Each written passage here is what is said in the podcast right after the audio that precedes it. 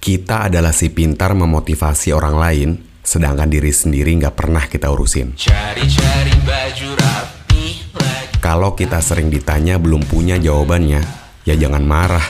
Nanti juga ada waktunya. Katanya kita mau nggak peduli, tapi kok malah gak enak diri. Akhirannya kita malah ngeluh lagi. Terus kita mikir, kalau cuman kita yang punya pikiran gak enakan kayak gini. Padahal enggak lagi. Justru seharusnya kita introspeksi, supaya kita tahu kalau yang butuh dinasehatin itu diri sendiri, bukan malah temenan sama sakit hati. Sabar